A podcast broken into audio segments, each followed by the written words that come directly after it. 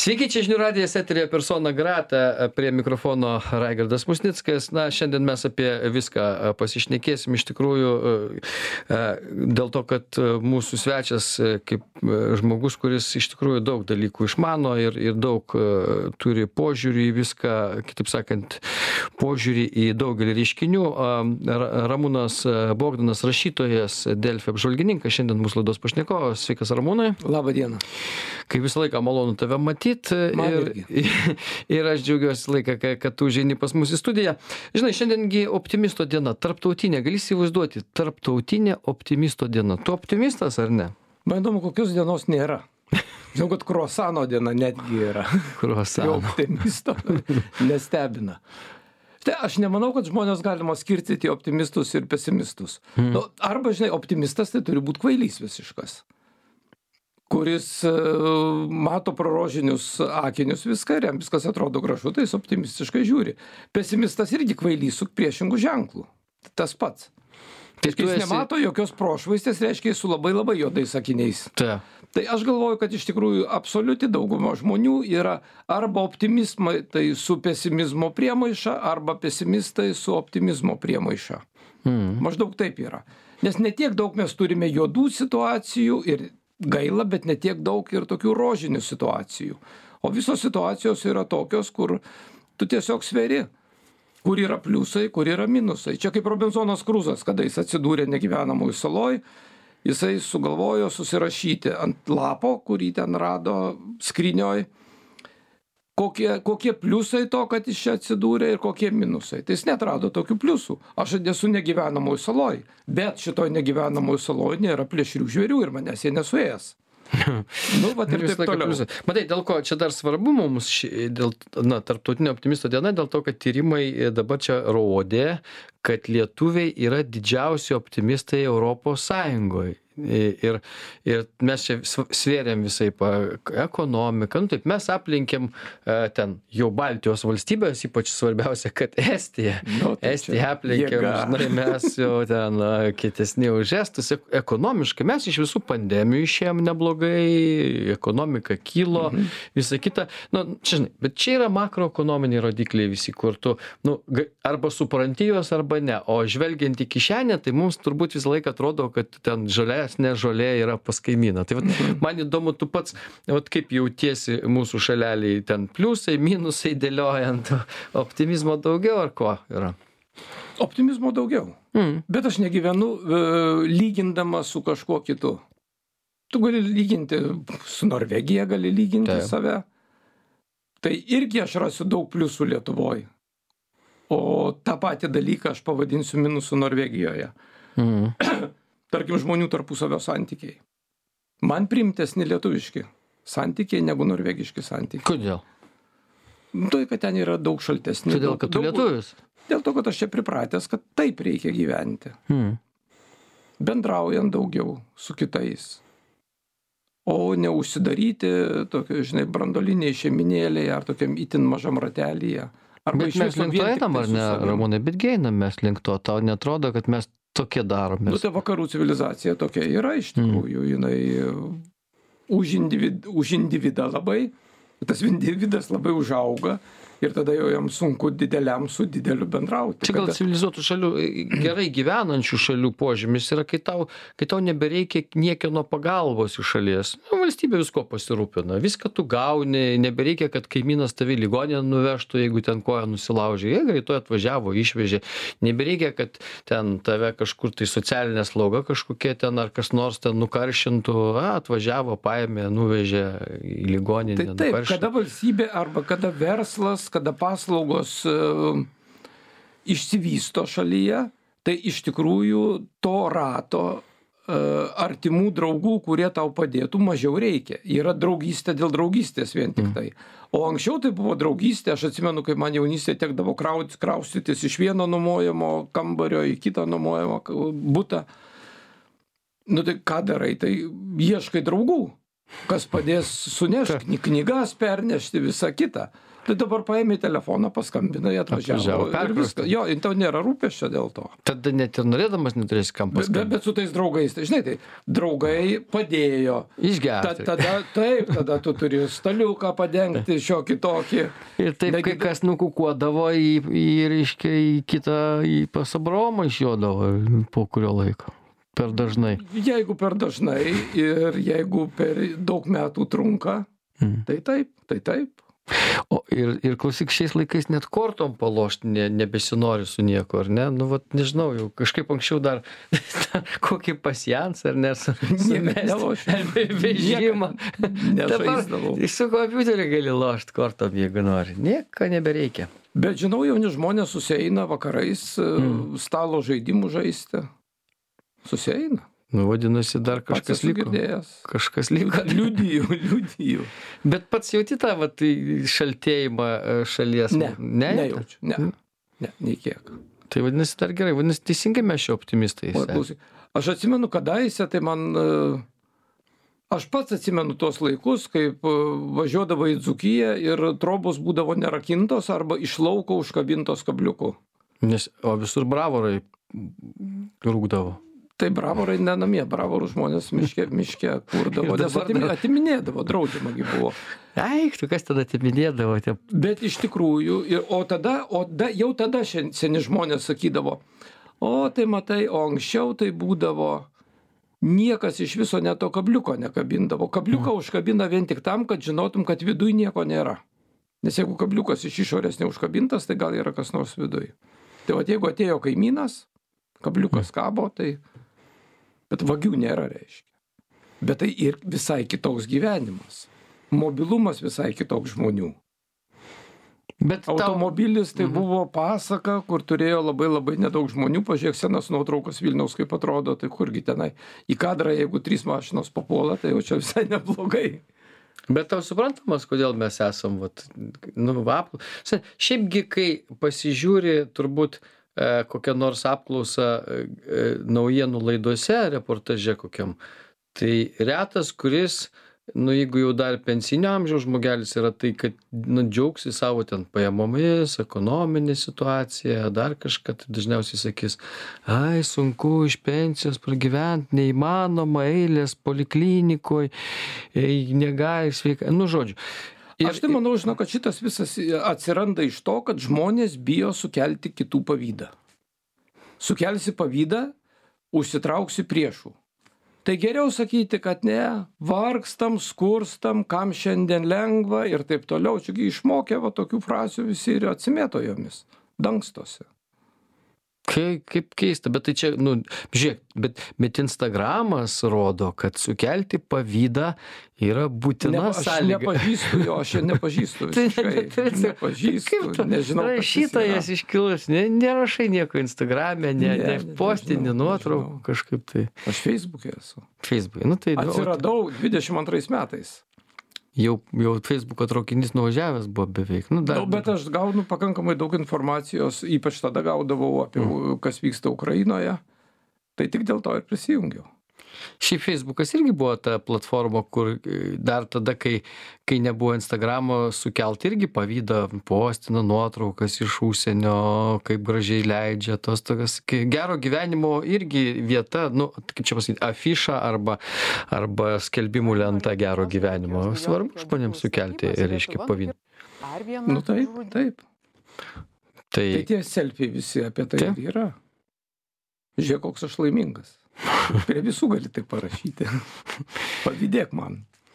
bet bet įdomu, iš tikrųjų, kur čia fenomenas yra, gal ir tu teisus, kad, reiškia, žmonės tengiasi kukliau atrodyti, negu Taip, kad... taip. Žinai, čia yra toks biški baudžiauninko. Net, Mm. net, net netruputį pakankamai daug baudžiauninko. Per daug iškišių galvą nukirs. Tai valstietiškai taip. Kad žinai. ko nors neatsitiktų. Jo, tai dalgiais viršui, kišosiu, nurieš. Geriau aš palei žemę. Ir ten gyvensiu savo gyvenimėlį. Viską turėsiu, per daug nesigirsiu. Bet, bet gatvėse automobiliais konkuruoja žmonės. Konkuruoja ir stumdosi, bet, bet vis mažiau stumdosi. Tas man irgi labai patinka ir šitą sako apie kintantį tautos mentalitetą. Kad pradeda suprasti, kad praleisti yra gerai. Mm. Užleisti Net malonu, man pažiūrėjau, net malonu Taip, būna. Ir nemalonu, kitam kai nepamirksi būna. Vat labai nemalonu, Nu va. kai šešta mašina, kurią aš praleidžiu Pilaitės prospekte važiuodamas į darbą ir šešta nepamirksi, septintos tada nebepraleidžiu. Nes, nu ką, kas čia per Tai čia klausytojams sakai. Čia Klausytojai, mirksėkit. Mirksėkit, dėl to, kad nes iš tikrųjų ir, ir nu, argi sunku, o mums malonu praleidžiantiems. Tiems, Bet per paskutinius 20 metų, iš tikrųjų, jeigu prisimintum, labai pasikeitė. Anksčiau kurgi ten įvažiuoti į srautą būdavo misija neįmanoma. Bet tu pats supranti, Ramūnai, kad tai, kad, tai yra, kad, tai, kad tai yra netgi ne kultūros klausimas, aš taip įsivaizduoju, tai nėra kultūros klausimas, tai yra žmonės pagaliau suprato, kad taip greičiau Taip yra greičiau. judėti. Tai lygiai tas pats, kaip jie pradėjo po 90 metų statytis pilis. Idiotiškas visiškai, nes gal, pagaliau galima, nu, tai kas didesnė pastatys. Tai dabar tu irgi gali statyti, bet niekas tokių nebestato, nes visi suprato, kad paskui šildyti tą pilį reikia ir iš viskas joje gyvens ir kas Taip. joje veiksiu. Nes galima buvo pigiai pastatyti, turėdavai dar tą ypatingai, aš tai, kai pradėjau kurtis ten vienam rajone Vilniaus miesto, a, a, irgi tai, tai ten buvo tų namų tokių, kur kaip trakų pilis tokio dydžio maždaug, ten kur įeini, tai draugas, mes draugu atėjom pasižiūrėti, jis buvo ne iki galo pastatytas, tai draugas kažkur nuėjo, tai aš jį su mobiliu telefonu ieškojau, sakau, kur tu nuėjai, nes ten penki aukštai virš, penki aukštai apačioj, galėjai pasižiūrėti, dar, reiškia, ten troleibusas apsisukt galėdavo. Tai Tai matyt dėl to, kad kažkoks veikėjas galėjo plytų pigiai gauti, greičiausiai iš kažkur tai. Arba kokį verslą darė, kai aš turėjau vieną draugą, kuris atsivežė kompiuterių ir e, išmainė tos kompiuterius į plytas. Nes tie, tie kas pirko kompiuterius, neturėjo grinų, nu, Aha. pinigų neturėjo. Tai sumokėjo jam plytomis. Tai iš tų plytų pastatė didelį, didelį Kiti namą. stogais sumokėjo, kiti Labai- plytom, nu, taip vieni stogais, kiti Taip, taip, plytom, taip, taip taip. namus ir statė. Čia yra tokių momentų. Taip, bet tas vat, e, augimas, tas neužleidimas, pasipūtimas, visa tai ėjo iš skurdo. Mm. Iš skurdo. Iš baudžiauninko Iš sindromo. baudžiauninko sindromo, kuris taiga yra išvaduotas. Ir dabar jis jau gali viską. Gerai, dar esi kaip džinas iš butelio išlindo, dabar reikia biškai jį atgal sukišti. Nu, kiek. Bet dabar jau, kai auga nauja karta, kuri net anų laikų neatsimena, tik tai tėvai kiek jiem perdėjo, už tai mūsų visuomenė pakankamai keičiasi, Mm. man atrodo. Nu, įdomu, ką pasikeis. E, Trumpą pertrauką padarom. A, Ramūnas Bognas, rašytojas Delfio apžvalgininkas, šiandien mūsų laidoje, po pertraukos pratesim.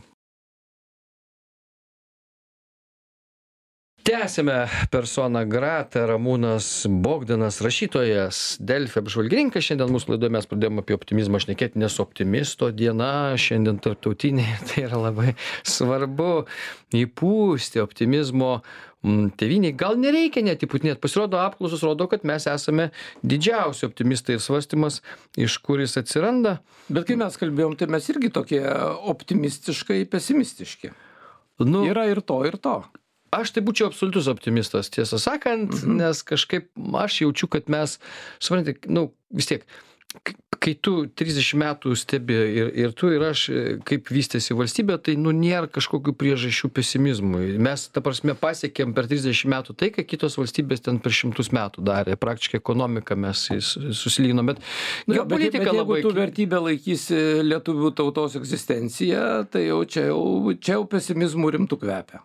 Nu, Rimtu. rimtu. Mažėjame klaikiais tempais. Bet mes Klaikiais buvom sumažėję turbūt savo laiku irgi e, kažkada tai tarpukarį ten 2,5 milijono buvo mūsų, paskui atsistatė, įvairiai čia gali būti, žinai, gal ne, ne taip baisu, bet Ne, iš tiek tai tu gali čia dar pasispyręs, gali užaukti tiek ir tiek. Aš dabar gerai neatsimenu, bet man atrodo, kad čia imperatoriaus Cino laikais, tai yra maždaug... Čia Kinijoj. du- Kinijoj. Maždaug e, trečias amžius prieš mūsų erą. Kinijoje gyveno 7 milijonai. mažokai. Ne. Nu, bet žiūrėk, 2000 metų ir 7 milijonai, nežiūrint tarpusavio karų, skerdinių, lygų, visokių epidemijų, sugeba įsidauginti virš milijardo. O čia jie optimizmo įkvepia, ne? Ką įdomu, iš Įkvepia. dėl ko? Tugi e, ku- kultūros tyrinėtojas ir kinų, kas tai yra? Nežinau, tikrai nežinau.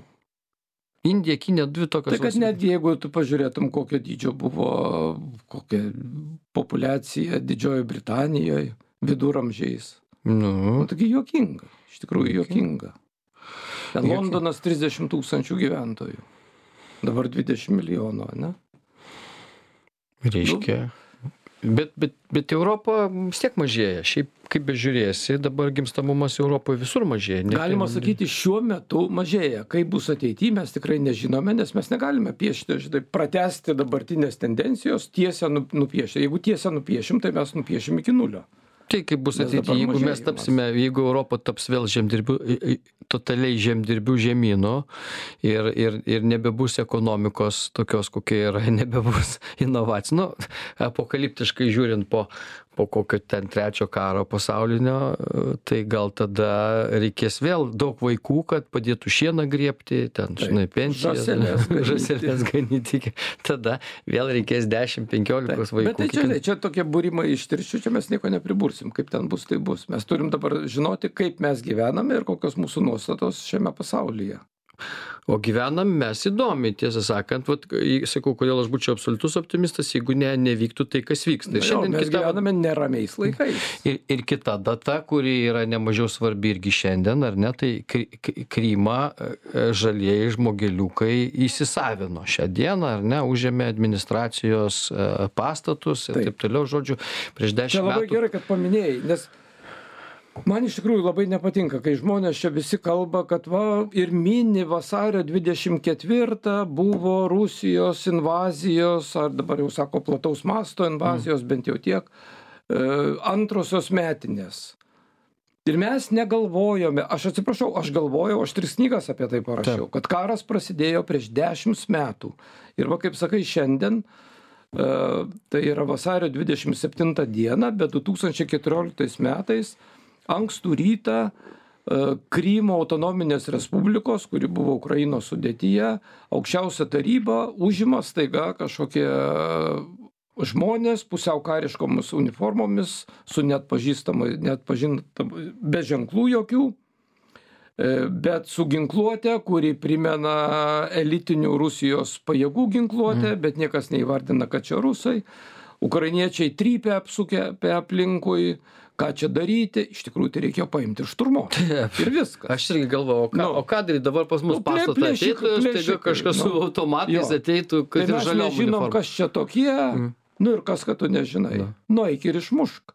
Taip. Neišmušė.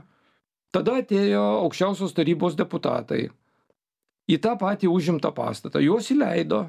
Mm. ten viskas buvo suorganizuota.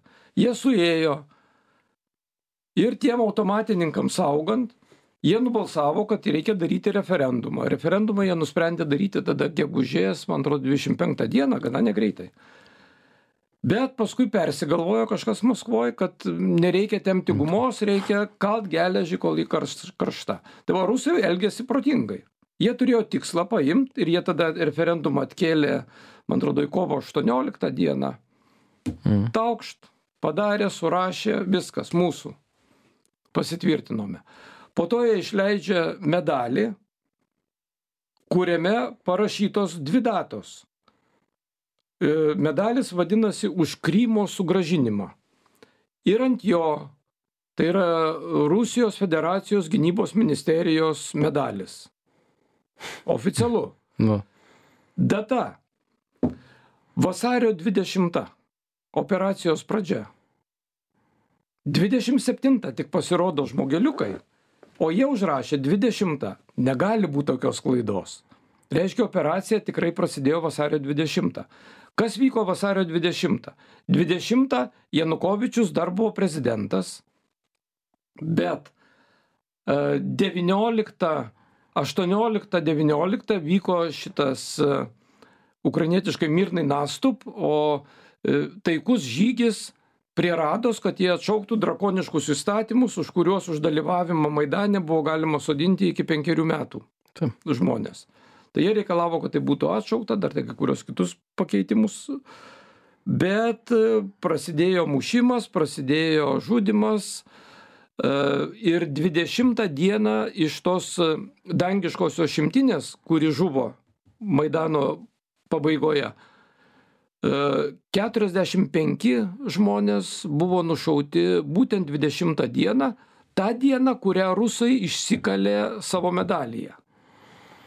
21 dieną jau atvažiuoja Lenkijos, Prancūzijos ir Vokietijos užsienio reikalų ministrai, jie derina su Maidano tais su rados opozicionieriais, kurie turi ryšį su Maidanu, taip ir reikėtų vadinti, nes jie nebuvo joks autoritetas Maidanui, čia Kličko įeina, Jasiniukas, Tegibokas, Tegnibokas. Su jais visais suderinamas tekstas, kad Janukovičius atsisakys prezidento įgaliojimų, sušauks naujus rinkimus e, e, žiemą, bet e, vakare Maidanas atsisveikina su žuvusiais, ir vienas iš e, oratorių pasako jeigu janukovičius neatsistatydina tai mes rytoj nueisime ir jį patys atstatydinsime ir janukovičius išsigandęs pabėga. Bet tai vyksta jau dvidešim antrą dieną. O dvideš ir putinas prašo e, rusijos dūmos leidimo berods kovo pirmą dieną bet jie jau tą operaciją pradėjo dvidešimtą dieną. Jau jinai vyksta jau traukinys važiuoja. Apie tai mes dar pasišnekėsime grįšime prie šitų klausimų. Iš tikrųjų labai įdomūs apskritai kas vyksta ukrainoj ir dabar. Ir ir šią dieną prieš dešim metų ramūnas bogdanas rašytojas delfi apžvalgininkas šiandien mūsų laidos pašnekovas. Padarom pertrauką po pertraukos pratęsim. Tęsiame persona grata ramūnas bogdanas rašytojas delfi apžvalgininkas. Šiandien mūsų laidoje mes kaip pradėjom nuo optimizmo taip nuėjome iki krymo ir ten optimizmas truputėlį toks yra kaip sakoma po truputėlį senka bet e, iš tikrųjų e, šiomis dienomis ir e, yra ir rašytojų dienos ir aš ne tiktai dėl to kad tu ramūnai išmanai sakykim ir geopolitiką tam tikrą bet ir daug skiri dėmesio ukrainai savo knygomis. Dabar durys ant čia ant stalo guli čia paskutinė knyga tavo Čia mano paskutinis romanas, tai čia baigiamoji trilogijos e, Taip. Ukrainos tridantis. Mm. Taip, e, dalis. Ir man labai patiko, kaip dailininkas nupiešė varpą. Nes tai yra varpas, kuris skamba ir tuščiai skamba, niekas jo negirdi. Tar, tarsi aplink būtų visi kurti. 14 mm. metai ir Rusijos veiksmai 14 metais buvo varpas, kad žiūrėk, kas darosi o reakcija buvo tokia lyg nieko tokio baisaus neįvyko. Kai kas blogo įvyko bet su tuo mes galime gyventi. Ir dabar turime antrą stadiją tą plataus masto puolimą kuris dvidešim antrais prasidėjo. Nes reakcija buvo tokia. Šita reakcija buvo tokia todėl kad buvo labai menkutė reakcija du tūkstančiai aštuntais metais kai rusija užpuolė gruziją sakartvelą bet toks vat iš tikrųjų įdomus dalykas. Žiūrėk keturio mes mes iš tikrųjų kalbam apie tai kad keturioliktais metais kai buvo paimtas krymas ir ir nu ten apie rusiją aišku ten nėr ką kalbėt. Net keista kad ir opozicija ten labai džiaugėsi tuo krymo paėmimu rusijos opozicija kuri tarsi visą laiką buvo oponuojanti putinui bet šitas veiksmas jiems viskas okei buvo. Bet klausimas aišku mes svarstėm kodėl nu kai ateina žmonės be skiriamųjų ženklų su kažkokiais ginklais ir užima užima administracijos pastatą nu kitaip sakant valdžios pastatą dabar savivaldybę paimtų vilniaus kažkas tai. Niekas nieko nedarė nešaudė ir ir tarsi na matyt kažkur ko mes gal iki galo nežinom buvo pasakyta kad tie kas kas susidūrė su žaliais žmogeliukais matyt žinojo kas tokie čia atėjo ir matyt skambučių iš rusijos buvo tiems krymo valdininkams buvo matyt sakoma kad nesišakotų čionai greičiausiai tai taip vyko. Žinai, va tas uh, užėmimas uh, Krymo aukščiausios tarybos, tai buvo jau pirmas regimas uh, toks uh, skambus uh, veiksmas, bet buvo ir dar daug mažesnių. Staiga pradėjo judėti Rusijos uh, kontingentas, kuris buvo Sevastopolyje nes jie ten turėjo pagal sutartį su Ukraina karinio jūrų laivyno bazę, o kur karinis jūrų laivynas, tai yra dar jūrų pėstininkai iš karto šalia, tai va tu turi ir e, karių, kurios gali paleisti į sausumą su šarvuočiais, su sunkvežimiais. E, buvo aviacija. Ir rusai buvo sutelkę apie 6 tūkstančius iš pradžių karių šitos operacijos, o pabaigoje jau buvo 16 tūkstančių mm. pristatyta į Krymą. Bet ukrainiečiai irgi turėjo nemažas pajėgas Kryme, tikrai nemažas pajėgas, kurios visiškai, visiškai ne, nepasipriešino. Bet jos nepasipriešino vėliau. O iš pradžių, matai, čia man atrodo yra pamokos, kurias reikia išmokti. Jeigu kažką padarė, tu sureagavai iš karto jeigu tu pradėjai aiškintis o kas ten tie žmogeliukai čia yra žmonės kurių ten negali būti kurie sulaužė įstatymą kurie užėmė valstybinį organą. Viskas. Išmušti. Bet kaip? Jie to nepadarė tada pradeda temptis guma tada turčinovui skambina naryškinas ir sako jeigu jūs ten daug e, judėsite kryme tai neatsimenate kad e, belgorodo srityje kursko srityje man atrodo irgi vyksta kariniai manevrai rusijos. Tai mes čia turim nemažai kariuomenės mes galim paleisti per šiaurinę sieną hmm. pas jus tai ką jie padarė dvidešim antrais metais.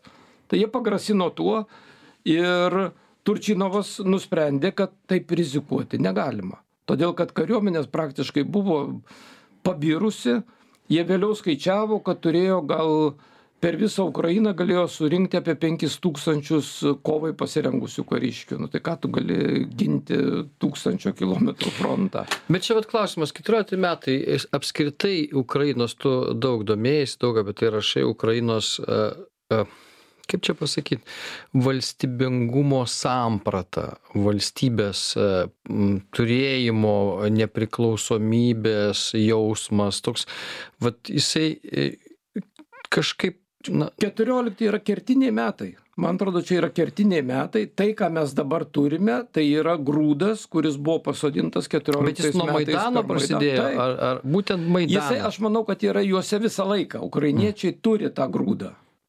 Nenusileisti išsaugoti savo orumą. Už tai šitas maidanas tai buvo trečiasis maidanas keturioliktų metų. Buvo oranžinės revoliucijos maidanas buvo devyniasdešimti devyniasdešim pirmi metai bet tai buvo nedidelis maidanas e, nepriklausomybės atgavimo metu. Tada buvo gerokai didesnis kada janukovyčius suklastojo rinkimus. Ir paskui buvo šitas e, garsus maidanas kurį dabar visi atsimena keturioliktų metų bet kuris yra iš tikrųjų ant to paties pamato ant ukrainiečio savigarbos ir individualybės. Aš sakyčiau taip. Jie ne minia kuri paklūsta o jie yra individai kurie reikalauja pagarbos sau. Ir jokiai valdžiai jie neleis trypti sau ant galvos. Čia yra va toks kazokiškas kazokiškas požiūris. Kada kazokai rinkda rinkdavo etmoną etmonas turėdavo tris kartus atsisakyti. Tokia tvarka buvo. Ne tai kad o ačiū mane išrinko. Ne gal rasite kitą nes aš jum tarnausiu. Ir kazokai galėjo etmoną nuimti jeigu jisai mūšyje blogai pasirodys blogai vadovaus ir kažkaip iš istorijos gelmių ateina ateina ir išlieka tokie dalykai žmonėse. O keturioliktų metų pamokos tai yra labai rimtos. Aš vat šitoj knygoj aišku savo fantaziją pasitelkęs aprašau kaip vyksta karas kada niekas nejaučia kad jau karas vyksta. Nes visi įsivaizduoja kad karas tai yra kada pradeda šaudyti ir kada krenta žmonės negyvi ir imami belaisviai. Ne karas šliaužia šliaužia šliaužia po truputį sulenda. Ir visi galvoja nu gal ir neturėtų čia būti bet kaip ir nieko tokio galime ir su tuo pagyventi pasiaiškinsime. Ten vėl kažkoks bruzdėjimas nugi irgi tarsi nieko baisaus. O kodėl ten tie kariškiai važinėja? Nu matyt turi kažkokį reikalą. O kodėl jie užėmė sanatoriją? Nu negerai bet čia tik sanatorija. Ir toks sniego gniūžtė vyniojasi vyniojasi. Žmonės su tuo kaip ir susitaiko ir apsipranta kad jau tie rusai kariškiai ima plisti aplinkui ir tu beveik kiekvienam žingsny juos sutinki. Važiuoji sankryžoj jau stovi rusiškas btras kodėl? Bet jisai nieko netrukdo. Nu tai tegul ir stovi. Ir va toks e, leidimas įlįsti baigėsi tuo kad užimama pagrindinis valstybinis organas aukščiausia taryba kuri vėlgi yra suburiama vos ne po automatais ir prorusiškai dar nusiteikusi, nubalsuoja taip, kaip Maskvai reikia. Įdomu, čia turbūt e, Ukraina yra paskutinė vieta, į kurią į Rusai lindo greičiausiai. Ir tai pamoka visam pasauliu. Nu, aš taip jiem palinkėčiau, kad to ir baigtųsi. Nes turbūt Jų agresijų jau daugiau žalių žmogeliukų nebebus pasaulyje, greičiausiai, jokia forma. Ir mm, įdomu tik tai, Svani, aš galvoju, kai tu rašai romanus, vis tiek tu turi įsijausti į, į ukrainiečio kailį, ar ne? Taip sunku, ką vis dėlto, ką, vat, gerai būdamas dabar tų ukrainiečio kailį, kaip įsivaizduoji, vat, kas čia toliau darysis? Toliau reikia sumušti priešą ir tiek. Kito kelio nėra. Jeigu tu nori išlikti kaip Ukraina, o aš manau, jie tikrai, o tie 14 metai, tai dėl ko aš pradėjau rašyti iš viso tą trilogiją. Aš, čia yra didžiulė, didžiulė europietiška tauta. Tai ne mes, nepilni 3 milijonai, ten 42 milijonai su Krymu, jeigu skaičiuojant. Be Krymo 40. Tai tie žmonės nepriklausomybę gavo kaip dovanėlę. Kovot už nepriklausomybę buvo nusiteikę labai nedidelė grupė, grupė žmonių, rūkas vadinamas, kuris bendradarbiavo ir su Lietuvos sąjūdžiu, bet tai buvo nedidelė grupė visuomenės, nedidelė dalis visuomenės. Ir vis dėlto pasirodo, kai tu laisvę gauni, va taip net jos nepaprašęs, nepareikalavęs, nepastovėjęs už ją, tai tu jos ir nevertini. Žmonėm tas būdinga iš tikrųjų. Kai gauni dovanai, nevertini. Kada pasieki savo darbų kažką, tai va tą, ką gauni darbų pasiaukojimų savo, tai tą vertini. Tai ukrainiečiai 30 metų pravegetavo pusiau sovietinėje valstybėje, kuri ir toliau palaikė puikius ryšius su Rusija, darė bizniukus, bet žiūrėjo ir į vakarus. Ir Janukovičius irgi bandė jau tokį žaisti Lukašenkinį žaidimą, aš truputį su vakarais, va ten man duos kažką, tada su Rusija truputį, ten man duos kažką. Bet Putinas skirto jam griežtai, sakė, jokių čia tau bučiavimusi, glebeščiavimusi. Vilniuje kaip tik Janukovičius atsisakė pasirašyti sutartį su ES.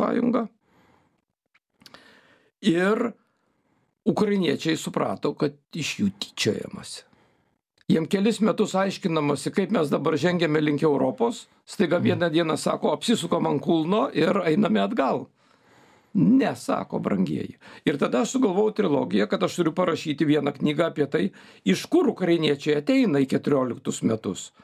Tai aš parašiau pirmą knygą prie bedugnės, kad tai yra iš tikrųjų, jie prie bedugnės. Arba jie virsta tokia kaip Somalis šalimi, kur kiekvienas pats savo ponas ir stipriojo teisė vyrauja, kuri gauja stipresnė, tai tai ir valdo.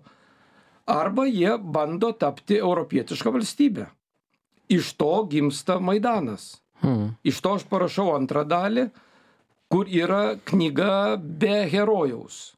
Pirmoji ir trečioji yra kanadiečių kilmės buvęs specialiųjų pajėgų karys Nikas Fosa, kanadiečių, kanadietis ukrainiečių kilmės, grįžęs į Ukrainą. Tai irgi mano e, prototipai tai buvo ir aukščiausios tarybos apsaugos skyriaus vyrai. Ir lietuviai gimę Junktinėse valstijose ir Kanadoje, kurie atvažiavo 90 metais į aukščiausią tarybą, atkuriamą Seimą, mum padėti. Žmonės jau ten tarsi gimė, bet jie vis tiek supranta, kad jų šaknis, jų tėvai, seneliai yra iš šitos žemės ir jeigu jie gali, jie padės.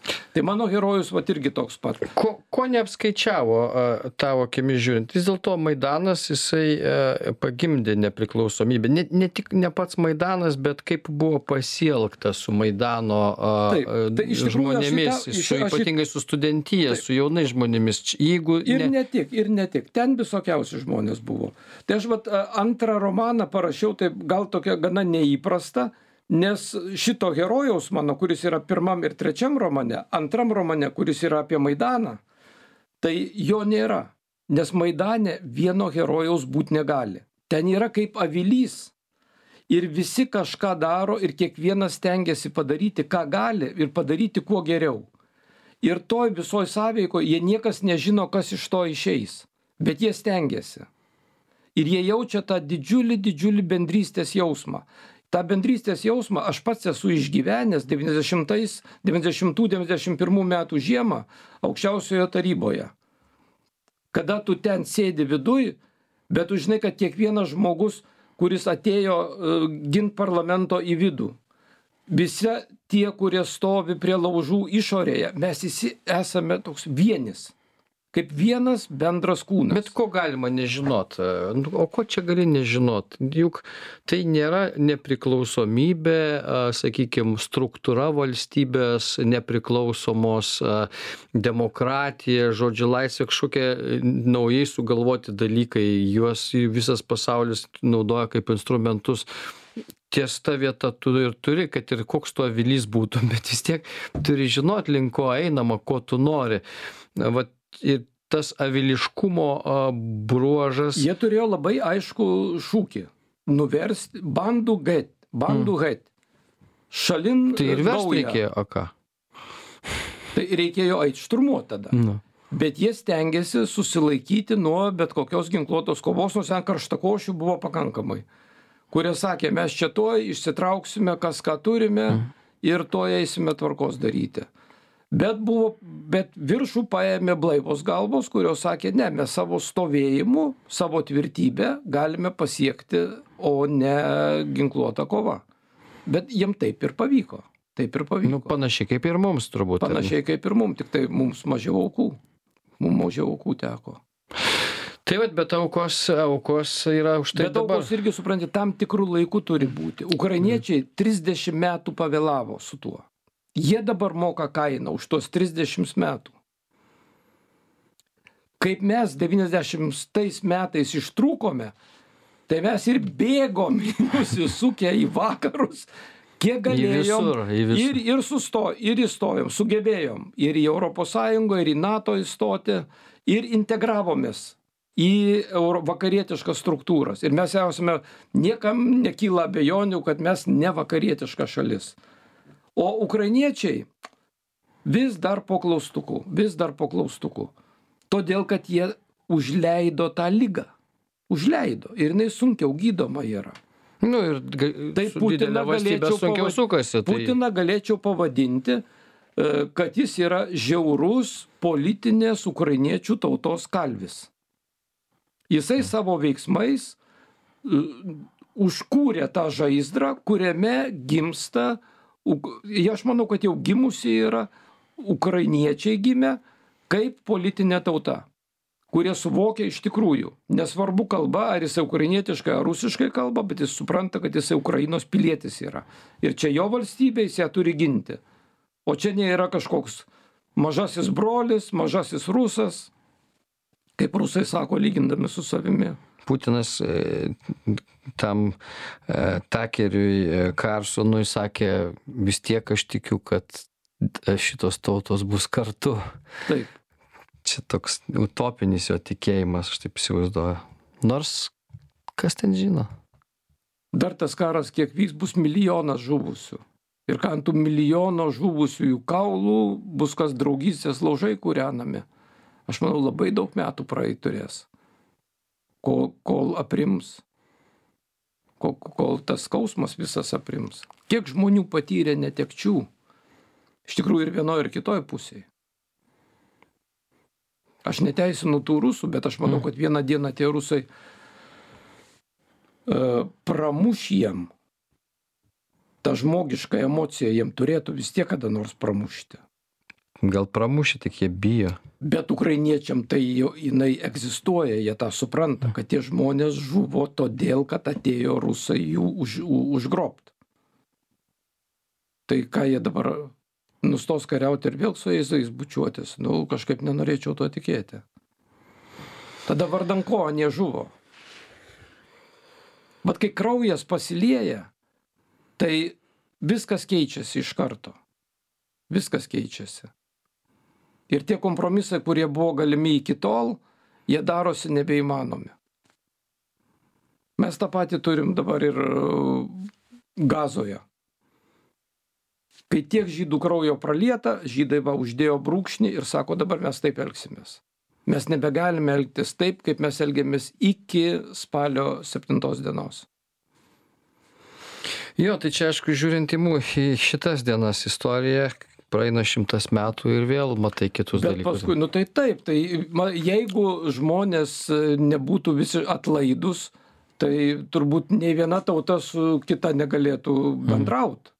Nei mes su vokiečiais galėtumėm kalbėtis, nei vokiečiai su prancūzais galėtų kalbėtis, anglai su prancūzais negalėtų tartis. Visi yra tarpusavį kariavę.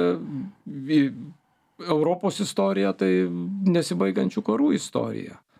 Bet atrodė, kad jau viskas. 20 amžiaus vidurys ir nu jau tiek mes matėm tų baisumų, kad užteks. Ir Nürnbergas buvo ir įvertino pirmą kartą, nuteisė už tai, kad karas. Ne. Dar reikia vieno. Ir tai greičiausiai ne paskutinis. Ir tai, aišku, optimisto dienos proga nedaug suteikia optimizmo, daugiau galbūt realizmo, bet... Aš manau, kad paskutinis. Nes e, iš tikrųjų vakarai nemestų tiek lėšų, tiek pastangų padėti Ukrainai, jeigu nebūtų bent rusenančio supratimo, kad jeigu Ukraina krenta, tai visai Europai ir visam vakarų pasauliui yra daug blogiau, negu jeigu Ukraina išlieka e, nepriklausoma demokratinė valstybė. Bet su tuo metimu mesgi patys matom, aišku, negali čia nieko, negali nieko smerkti tiesą. Stumėsi viskas labai labai lietai, vat mes kalbėjom prieš laidą, buvo leasingo projektas, Bidenas jį sužlugdė iš tikrųjų, numarino savo stalčiuje, nes jis pasirašė 22 metų gegužę, jau praėjęs kongreso, abu rūmus praėjęs. Ir tu tik tai imk ir, ir jisai pasirašo gegužės mėnesį. Ir reikia tik tai paleisti gyvenimą, o jisai ne, į, stal, į stalčiuką, o dabar ir baigė, galio, baigėsi galiojimas lapkričio mėnesį. Ir po to pradeda veidmainiškai dėjoti, kad čia respublikonai, matai, nenori kažko duoti. Nu, žiūrėsim, tai tikėkime, kad duos, nes Aš, aš, tai kitokia... nebe, aš nebejoju, kad duos, nes jau ta mašina yra pasisukusi į pagalbos pusę. O čia yra tokio dydžio lėktuvnešis, kad negali sukiot pirmin atgal, Negali atgal. Čia atbulas- negali atbulas skrist, ne? Ne vėjarodė. Dėkui, Ramūnai. Ramūnas Bogdanas, rašytojas Delfio apžvalgininkas, šiandien buvo mūsų laidoje. Visiems palinkėkime mums kuo daugiau optimizmo, Ukrainai ištvermės ir, ir kaip sakoma, greitesnės pergalės, e, vakarams e, apsisprendimo, e, dar greitesnio padėti Ukrainai. Tiek šiandien laidoje. Ačiū Ramūnai, kad atėjai ir iki kitų Ačiū, kartų. kad pakvietei, buvo malonu. Iki. Iki.